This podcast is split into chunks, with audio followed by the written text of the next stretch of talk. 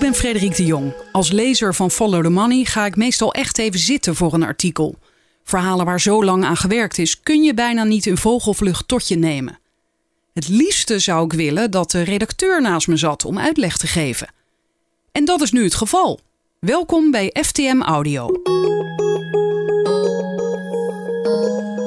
I know you're gonna dig this. Ilona Daal, je artikel staat online. Waar gaat het over? Het artikel gaat over hoe moeilijk het tegenwoordig voor artsen is om uh, medisch wetenschappelijk onderzoek te doen. Uh, ze verklaren dat het, uh, de overheid steeds minder investeert in onderzoek. En zelfs dat onderzoeksgeld is opgedroogd. En hierdoor zijn ze in toenemende mate afhankelijk van de industrie die, in handen zijn, die in handen is van de aandeelhouders. En waar de winst voorop staat en niet altijd de behandeling voor de patiënt. Aha, ik ga het lezen en dan kom ik zo bij je terug. De titel is Medisch onderzoek in de tang van multinationals. Geld gaat boven kwaliteit. De jacht op onderzoeksgeld maakt artsen wanhopig. Sinds de overheid de geldkraan heeft dichtgedraaid, hebben ze moeite om hun wetenschappelijk onderzoek te bekostigen en zijn ze genoodzaakt hun hand op te houden bij de industrie. Die afhankelijkheid zorgt voor grote frustraties onder artsen. De winst van een behandeling staat voorop, niet de genezing van een patiënt. En dat is een quote. Eindeloos formulieren invullen, onderzoeksvoorstellen van tientallen pagina's indienen en protocollen schrijven. Artsen worden opgeslokt door de administratieve ballast die met een subsidieaanvraag gemoeid gaat. Wie op zoek is naar financiering voor medisch onderzoek moet door deze papiermolen heen. De overheid heeft de geldkraan via de universiteiten dichtgedraaid en dus proberen artsen via andere wegen geld los te krijgen. En bij het woord dichtgedraaid staat een plusje, daar kan ik op klikken. Daar klik ik even op. En daar staat vanaf de jaren 80 heeft de regering zich gaandeweg teruggetrokken uit de onderzoeksfinanciering. En uh, deze zogeheten eerste geldstroom is vrijwel geheel opgedroogd, verklaren artsen uit het veld. Waarom is dat eigenlijk? Weet jij dat? Waarom de overheid minder investeert in onderzoek. Um, nou, dat zal in een vervolgartikel ook naar voren komen. Uh, die vraag probeer ik ook te beantwoorden. Maar het is inderdaad, klopt inderdaad dat uh, de overheid uh, minder eerste geldstroom geeft. En dat is al sinds de jaren tachtig aan de hand? Nou, dat, dat is iets wat artsen verklaren. ik heb veel artsen gesproken in diverse ziekenhuizen die allemaal unaniem over eens zijn.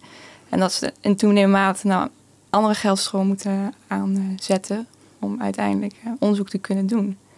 En jij zegt het komt in een tweede artikel aan bod, want die vraag is kennelijk niet heel eenvoudig te beantwoorden. Nee, het is niet eenvoudig te beantwoorden. De artsen verklaren dat de eerste geldstroom is opgedroogd. En dan wil je natuurlijk weten van nou, hoeveel uh, investeert onze overheid momenteel nog in onderzoek.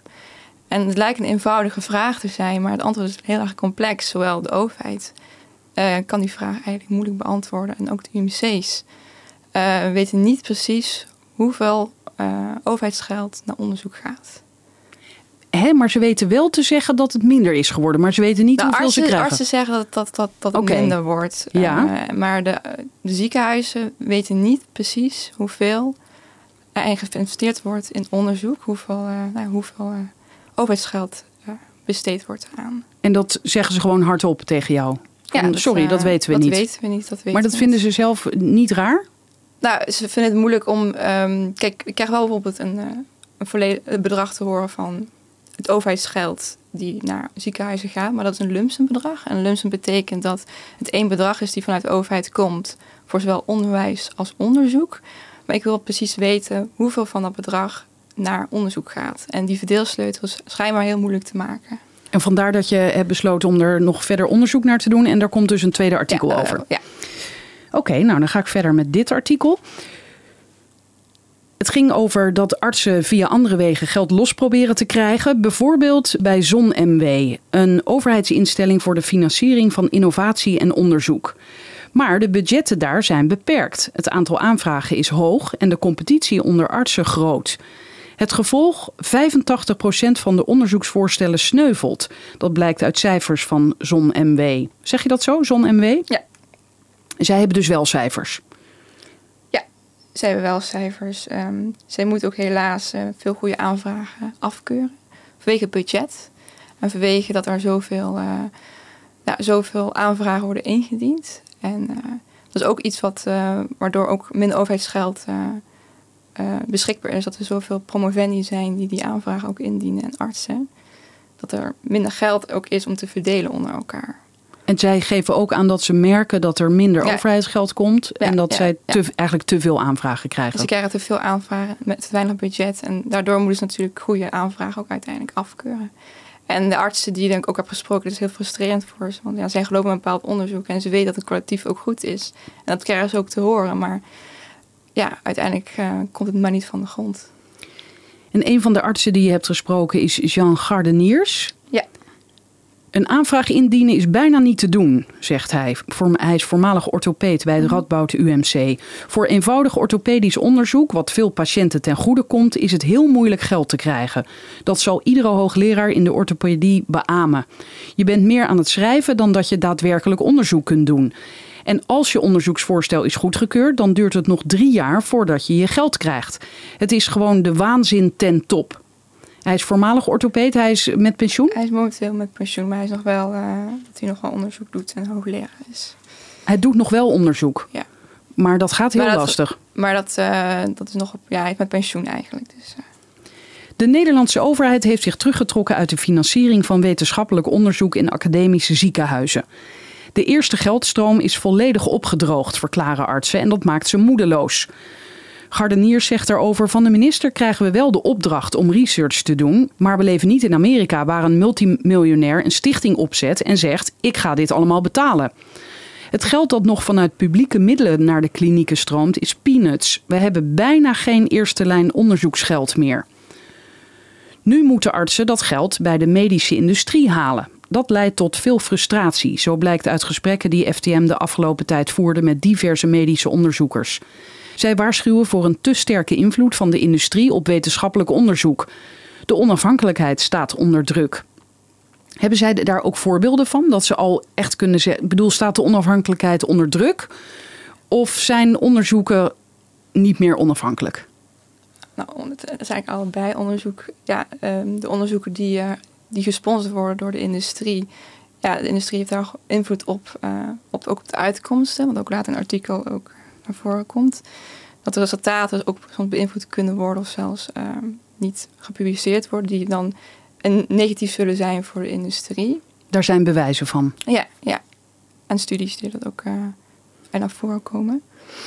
Julius Roos, voormalige internist in het Onze Lieve Vrouwen gasthuis in Amsterdam, omschrijft de industrie als een buitengewoon krachtige partij die als grote geldschieter beslist welke koers er gevaren moet worden.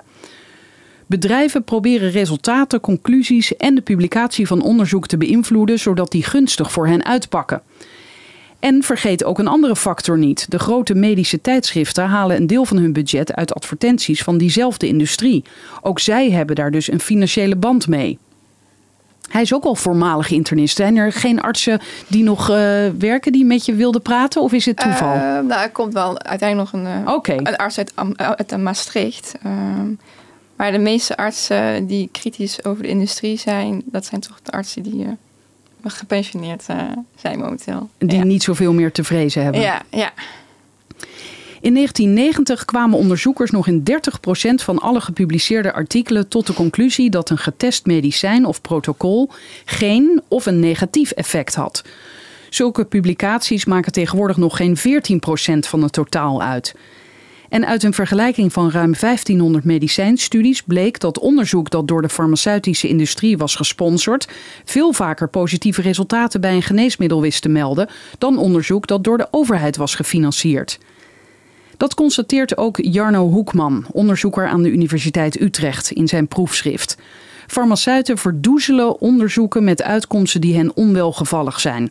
Hij verzamelde 329 klinische studies naar nieuwe diabetesmedicijnen. 80% van die studies werd door de farmaceutische industrie betaald. Van de 44 onderzoeken met een negatief resultaat publiceerden de farmaceuten er 10 in vakbladen. De rest verscheen uitsluitend op obscure websites. Van onderzoek dat met publiek geld was bekostigd, verschenen alle studies met negatieve resultaten in de vakbladen. Hoewel sinds 2007 voor medicijnstudies een publicatieplicht geldt, weet de industrie volgens Hoekman sluiproutes te vinden om zich aan die regeling te onttrekken. Ja, kennelijk door op die obscure websites te publiceren. Wat, wat, zijn dat voor websites? dat zijn eigenlijk websites. Ehm, kijk, normaal gesproken worden die, die uh, artikelen in tijdschriften ook uh, tijdschriften gepubliceerd, waar ook artsen uiteindelijk hun uh, kennis vandaan halen. En dat zijn eigenlijk websites, ja, zijn gewoon gewone websites, zijn geen websites niet medisch gerelateerd. Waardoor, ja, daar kijken artsen ook niet op om uiteindelijk hun kennis uit te putten. Dus het enige waar ze aan voldoen is, kijk, het is gepubliceerd, het is gepubliceerd Dat is dan, ja, de resultaten staan daar, maar eigenlijk wordt er door de artsen niet naar gekeken, waardoor het ook uiteindelijk, uh, nou ja, zij, zij, zij, zij kijken alleen maar naar die, naar die tijdschriften en... Uh, ja, jij schrijft hier inderdaad ook: de negatieve uitkomsten komen in online databanken en op websites terecht. Strikt genomen zijn ze dus openbaar, maar de wijze waarop deze resultaten worden gepresenteerd is niet eenduidig en niet onderworpen aan kwaliteitscontrole en peer review. Ja, peer review is dat uh, collega's er naar kijken. Ja, ook dat het toezicht, uh, toezicht er naar kijkt. Oké. Dat ondermijnt hun geloofwaardigheid en maakt het moeilijk om ze op te nemen in overzichtsstudies. Artsen die willen weten wat werkt, baseren zich eerder op gerenommeerde vakbladen en niet op die websites, al dus de onderzoeker Hoekman. De studie van het Amsterdam UMC, het recent gefuseerde AMC en VUMC naar prenatale zorg, dat een aantal weken geleden in het nieuws was, laat zien hoe cruciaal onafhankelijk onderzoek is en wat de consequentie kan zijn van het wegmoffelen van negatieve effecten. Jij legt het hier ook uit. Het AUMC voerde een langlopend onderzoek uit naar het groeimiddel sildenafil, beter mhm. bekend als Viagra, onder 183 zwangere vrouwen. Op grond van eerdere studies leek het een veelbelovende therapie voor mm foetussen die met een levensbedreigende groeiachterstand kampen. Maar dat pakte anders uit. 17 ongeboren baby's kregen een longaandoening. Elf daarvan zijn inmiddels overleden. Ernstige complicaties die in eerder gepubliceerde studies nooit naar voren waren gekomen. Het onderzoek dat door ZonMW werd gefinancierd is acuut afgebroken. De therapie is overal stopgezet.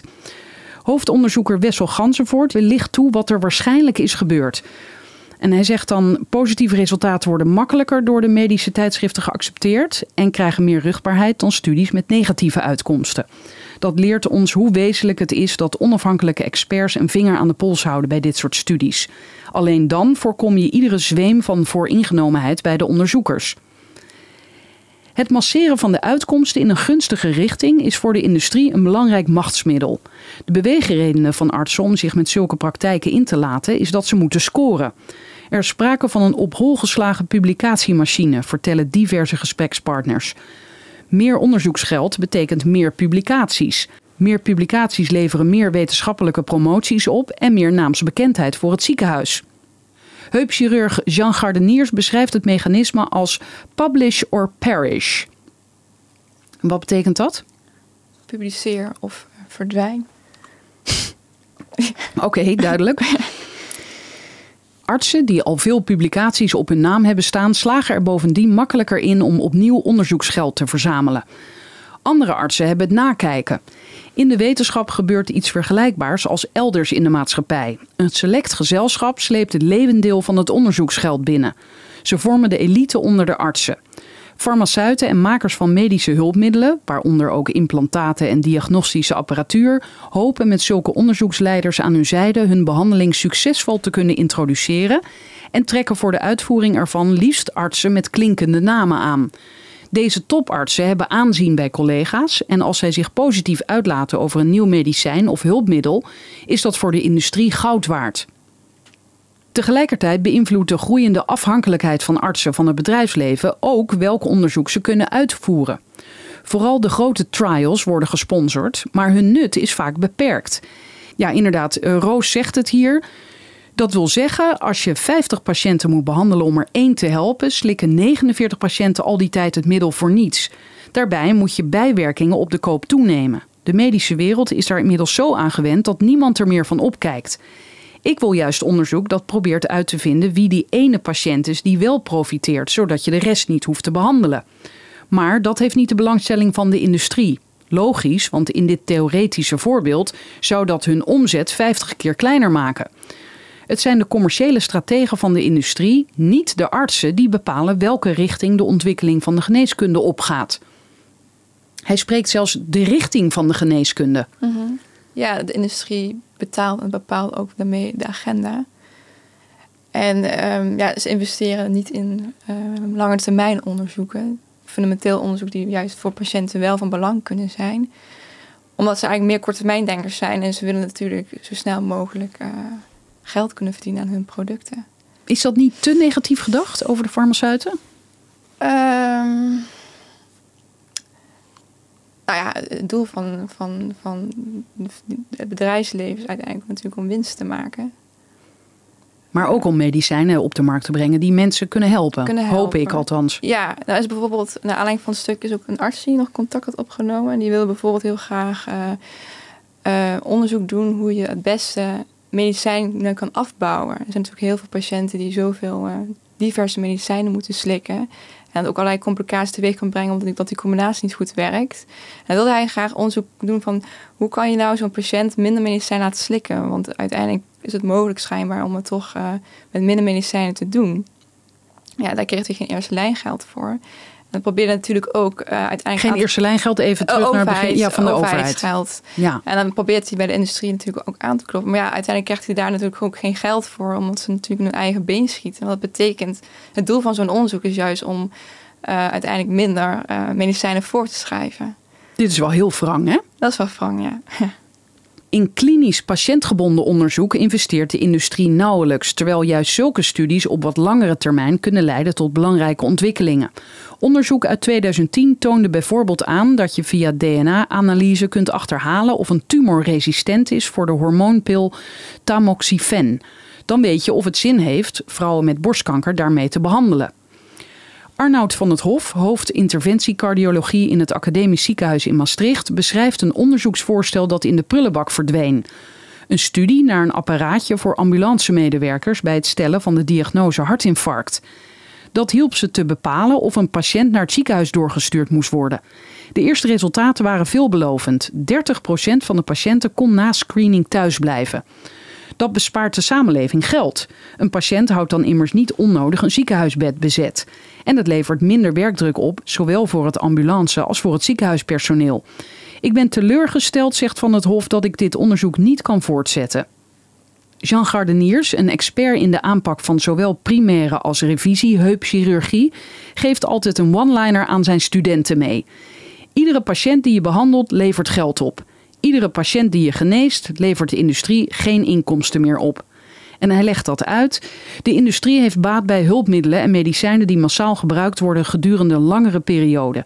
Er wordt bijvoorbeeld ontzettend veel onderzoek gedaan naar medicijnen om hoge bloeddruk en cholesterol bij patiënten te verlagen, terwijl daar al effectieve behandelingen voor bestaan. Het houdt niet op. Iedere keer weer komt er iets nieuws. Elk farmaceutisch bedrijf wil er zijn eigen variant op hebben, want er valt goed aan te verdienen. Voor research naar implantaten en protheses is momenteel echter amper geld. Je hebt het dan wel over het verbeteren van de kwaliteit van leven van een patiënt, zegt hij. Voor het ontwikkelen van een implantaat, waarmee miljoenen zijn gemoeid, zijn hij en zijn collega's tegenwoordig vrijwel geheel afhankelijk van de orthopedische firma's. Maar juist die leveranciers zijn in handen van aandeelhouders. Ik ben geen socialist hoor, maar die aandeelhouders willen gewoon winst maken. Dat is een vaststaand feit, zegt de orthopeed. Zodoende is de ontwikkeling van goedkope en succesvolle behandelingen bijna onmogelijk geworden. Gardeniers merkte dat zelf toen hij het zogeheten memory steel onderzocht en wilde inzetten voor patiënten met een heupaandoening. Wat is dat, een memory steel? Dat is een matje die gebruikt wordt om als er een heupkop faalt. In plaats van een prothese die je dan in moet zetten, heb je zo'n matje. Uh, het kost dan 250 euro. En dat, is, dat was dan een, een, een, een, onderzoek die hij deed en die hij graag wilde toepassen in patiëntbehandeling. En daarvoor ging hij ook met dat idee naar de, naar, naar de industrie. En de Nederlandse divisie, die zag er wel, uh, die, zag, die vond het goed en die wilde dat graag ook uh, daarin meegaan. Maar uiteindelijk de Amerikaanse top van het bedrijf, die uh, heeft het afgekeurd. Aha ja, hier zegt hij inderdaad: ik heb de industrie benaderd, maar hoewel de Nederlandse divisie het product verdedigde, blies de top van het bedrijf mijn product af. Want als die heupkop gewoon vervangen werd, ging er een prothese in van 7500 euro. Voor de bedrijfsleiding was het niet rendabel om mijn, in mijn product te investeren. Uiteindelijk is Gardeniers Memory Steel alsnog door een Israëlische firma in productie genomen. Maar die zijn er weer mee gestopt, want ze vonden de omzet te laag. Dan moet je uiteindelijk dus werken met hulpmiddelen die minder goed, minder handig of duurder zijn. Hetzelfde overkwam Albert Veldhuizen, hoogleraar wervelkolomchirurgie bij het UMC Groningen. Hij bedacht protheses die kwalitatief aantoonbaar beter waren, maar die nog nooit op de markt zijn gekomen. De industrie heeft letterlijk tegen mij gezegd: een implantaat hoeft niet beter te zijn als het maar goedkoper is in productie. Jeetje. Jarenlang heb ik gewerkt aan de ontwikkeling van nieuwe implantaten die nooit bij de patiënt terecht zijn gekomen. Dat frustreert mij enorm. Geld gaat boven kwaliteit. Waren die mensen eigenlijk blij om jou te spreken? Dat ze eindelijk hun verhaal konden doen? Of hebben ze dit al veel vaker verteld? Nou, ik merk wel dat ze gefrustreerd zijn dat hun idee of hun onderzoeken uiteindelijk niet van de grond kunnen komen. En daarmee ook dat het niet bij de patiënt terechtkomt. Dat, uh... Maar zijn, hebben ze deze verhalen al vaker, hebben ze al vaker aan de bel getrokken of niet echt? Mm, niet dat ik weet. Niet dat ik weet. Soms gaat geld ook boven de veiligheid van patiënten. Producten die commercieel aantrekkelijk, maar van inferieure kwaliteit zijn, worden toch in productie genomen. Denk aan de metaal op metaal kunstheup, MOM, een sterk gewricht dat relatief weinig slijtage zou geven, met minder spierschade tot gevolg. Grote multinationals, waaronder Depuis, Zimmer, Biomed en Wright Medical Technology, brachten allemaal een eigen versie van de kunstheup op de markt. De MOM-heup werd sterk gepromoot als sportheup voor de actieve mens. Op congressen toonden medische bedrijven afbeeldingen van honkballers. Met deze prothese speel je weer in de First League, was de boodschap. In Nederland werd het implantaat bij ruim duizend patiënten ingebracht. Harlan Amstoets deed onderzoek naar deze prothese in opdracht van Wright Medical Technology. Zijn publicatie erover maakte dat de MOM-heup ingang vond. Aanvankelijk leken de resultaten goed, maar orthopeden uit het Radboud UMC wilden deze prothese niet gebruiken. In de jaren 70 hadden ze met vergelijkbare implantaten gewerkt en toen al bleken er problemen te zijn die niet naar voren kwamen in publicaties. En inderdaad, Harlan had verzwegen dat er door slijtage van de heup minuscule metaaldeeltjes vrijkwamen die zich via het bloed verder verspreidden. Hierdoor ontstonden immuunreacties. Patiënten kregen zwellingen, botverlies en pijnaanvallen en er ontwikkelden zich zelfs tumoren rond de kunstheup. Sommige patiënten zijn uiteindelijk in een rolstoel beland. De MOM-prothese is in 2012 van de markt gehaald. Zover kan het dus gaan. Ja. Dit is best een schokkend verhaal. Ja, dat is. Uh, maar je kan er niet meer over vertellen. Uh, nou, jawel, het is uh, dat natuurlijk ook wel vreemd is als zulke producten uiteindelijk sowieso op de markt komen. Dat, um, dat ook de toezicht daar ook wel, uh, ja, wel in faalt. Als je ook kijkt naar medicijnen bijvoorbeeld. Hè. Er zijn natuurlijk medische hulpmiddelen. Het is een, een prothese. En uiteindelijk is het toch um, kunnen gebeuren dat zo'n slecht product in de patiënt gebracht kan worden. En lopen die duizend mensen nog steeds rond met die prothese, denk je? Of is die er weer uh, uitgehaald? Nou, kijk, ze zijn natuurlijk, voor mij zijn ze wel eruit gehaald. Maar die metaaldeeltjes die blijven natuurlijk ja. in die bloedbanen uh, circuleren. En wat uiteindelijk voor lange termijn effect het uiteindelijk heeft, dat, dat, weet je, dat, dat weet je nog niet. De winst van de behandeling staat tegenwoordig voorop, niet de genezing van een patiënt, constateren de artsen. Door het ontbreken van overheidsfinanciering wordt er te weinig langlopend en onafhankelijk onderzoek gedaan met nadelige gevolgen voor de patiënt en voor de kosten van de gezondheidszorg. De overheid moet research financieren zodat we onafhankelijk onderzoek kunnen uitvoeren en niet aan de leiband van de industrie hoeven lopen. Dat zegt tot slot, um, wie zegt dit? Even kijken hoor. Gardeniers. Gardeniers, hè? Mm -hmm. Ja, precies. Dus daar zijn die artsen, die, alle artsen die je hebt gesproken, die zijn het hierover eens, unaniem. Ja. ja. En ze staan met hun rug tegen de muur. Dus kijk, het is natuurlijk zo van dat artsen ook verplicht zijn, als je in een academisch ziekenhuis ook werkt, om onderzoek te doen.